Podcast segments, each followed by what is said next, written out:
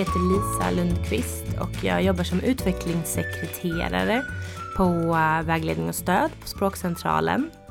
Och eh, vi på Vägledning och stöd jobbar med att eh, stödja Malmö stads grundskolor i arbetet med nyanlända elever. Vägledning och stöd på Språkcentralen i Malmö försöker vara en brygga från mottagningsenheten Mosaik till en fungerande skolgång för nyanlända elever. Det kan handla om allt från att utforma handlingsplaner för att få igång en god mottagning av eleverna till hur man utformar en givande skoldag. Som ett stöd till skolpersonal har Vägledning och stöd tagit fram 10 tips för en god mottagning av nyanlända elever. Kartläggningen av en nyanländ elevs ämneskunskaper är ett sådant tips. Välkommen till Pedagog Malmö som den här gången tittar närmare på mottagningen av nyanlända elever. Och just steg ett gör man tillsammans med vårdnadshavare om det är möjligt. Och det är mycket frågor om elevens tidigare skolgång, vilka ämnen man har läst, eh, vilka språk man behärskar, var man har lärt sig de här språken. Men också om eh, intressen och erfarenheter som man kan ta tillvara på i skolan. Och också lite grann om vårdnadshavarens förväntningar och frågor och hur det har funkat med skolan tidigare. Det viktigaste är väl egentligen att försöka skapa en ganska trygg miljö för eleven där de känner att att det här inte är något prov eller något test, någonting de måste prestera, utan att det handlar om att berätta väldigt förutsättningslöst om vad man har gjort tidigare och det ska bli, tanken är att det ska vara ett trevligt samtal där man får fram så mycket som möjligt. Det tycker jag är det viktigaste egentligen. Och att man är nyfiken och vågar ställa följdfrågor och intressera sig för vad eleverna har att berätta. Eh, just litteracitetsdelen består egentligen av två olika delar. Den första, där ställer man ganska många frågor till eleven om hur eleven har jobbat tidigare i skolan. Vilka typer av texter man är van att läsa och skriva eh, och hur man har jobbat i skolan med grupparbete, muntliga framställningar, eh, vilken typ av arbetssätt man hade. Men det finns också en del för elever som kanske inte har gått så mycket i skolan. Eh, för de har ju också stött på Eh, läsning och skrivning och muntliga framställningar i olika sammanhang. Och de är också väldigt viktiga att komma åt om det är så att eleven kanske inte har gått i skolan. För de har ju gjort någonting annat istället. Och sen finns det nästa del som handlar om mer om ren läsförståelse där eleven läser texter på sitt starkaste språk och svarar på frågor. Eh, och numeracitet handlar om eh, matematiskt tänkande och problemlösning. Sen finns ju också steg tre Eh, de första två stegen är obligatoriska så de måste göras på nyanlända elever som kommer. Men steg tre är inte obligatoriskt. Det är däremot ett strävansmål i Malmö stad att man ska göra det. Och det handlar ju om elevernas ämneskunskaper i de olika skolämnena.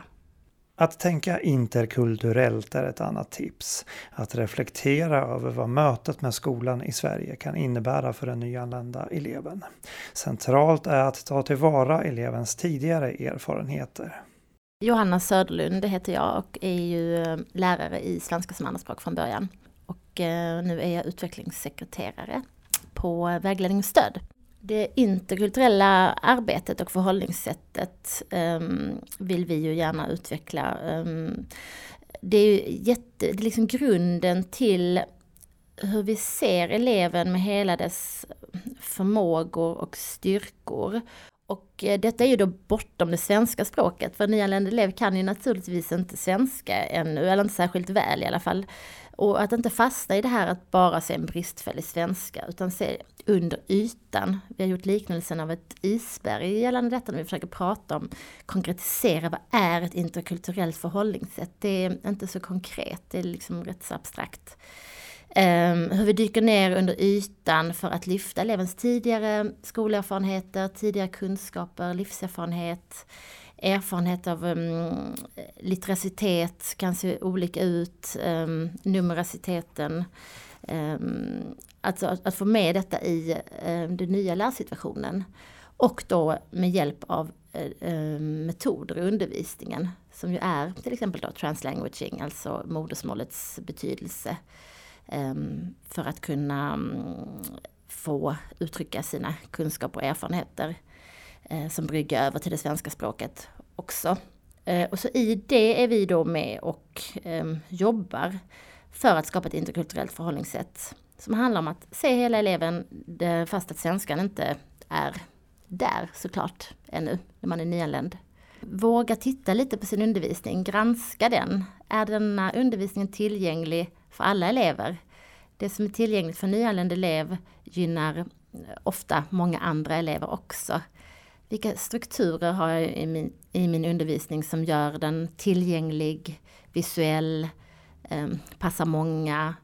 Eh, vad, är, vad är tema, vad är mål, vilka ord och begrepp ska med, vilken texttyp jobbar vi med, hur tar vi oss igenom en text tillsammans med olika aktiviteter och metoder. Den typen av att um, aktionsforska lite på sin egen undervisning, det är granska den och titta nära på den och vilja utveckla sin didaktik. Det gynnar ju nyanlända elever och alla elever. Och i det arbetet kommer vi då också in uh, och stöttar upp och försöker hitta form uh, för att lärare ska vilja och kunna um, utveckla sin undervisning. Och så slår medarbetarna på vägledning och stöd ett slag för samarbete och kunskapsutbyte inom arbetslaget. Hej, mitt namn är Elma Radovac och jag jobbar på Språkcentralen som utvecklingssekreterare. Alltså uppdraget som läraren har, det är ju då att organisera för lärande där alla elever kan lyckas. Och eh, ett gott utvecklat samarbete mellan olika ämneslärare, det är en stor framgång för elever, inte minst nyanlända, utan alla elever. Eh, och varför är det nödvändigt då? Det är ju för att eh, lärarna får en helhetsbild av elevens styrkor och utvecklingsområden. Och eleverna då, när lärarna samarbetar, de har ju lättare att se samband inom de här olika ämnen. Eh, och kan se de här olika ämnen, ett ämne från olika vinklar. Vi lärare har oftast en tendens att tänka väldigt stort. Man kan börja i små eh, små projekt kanske där man samarbetar med en annan lärare och eh, visar sedan sina framgångar till de övriga pedagoger på skolan kanske och även rektor. Och eh, sedan utveckla det tillsammans, kanske sättas ihop med de här likasinnade personer och börja små steg, smått. Är det här någonting, eh, skulle du säga, som man traditionellt sett har varit bra på eller finns det saker att utveckla här just när det gäller det här kollegiala lärandet eller samarbetet mellan, mellan pedagoger? Jag tycker att vi har blivit bättre men eh, det kan ju utvecklas lite mer. Jag tänker ju lä lärarrollen har länge varit, om man säger så här, enmansshow. Eh, som vi, jag tänker att vi behöver öppna upp lite mer eh, i våra klassrum och ta in ehm, världen om jag säger så. Eh, så att eleverna får eh, att eleverna får se samband mellan kunskapen och omvärlden, inte minst våra alla ämnen som vi har. Pedagog Malmö är slut för den här gången. På Pedagog Malmö finns alla tips om en god mottagning av nyanlända elever samlade. Jag heter Fredrik Thunberg. Vi hörs igen nästa gång.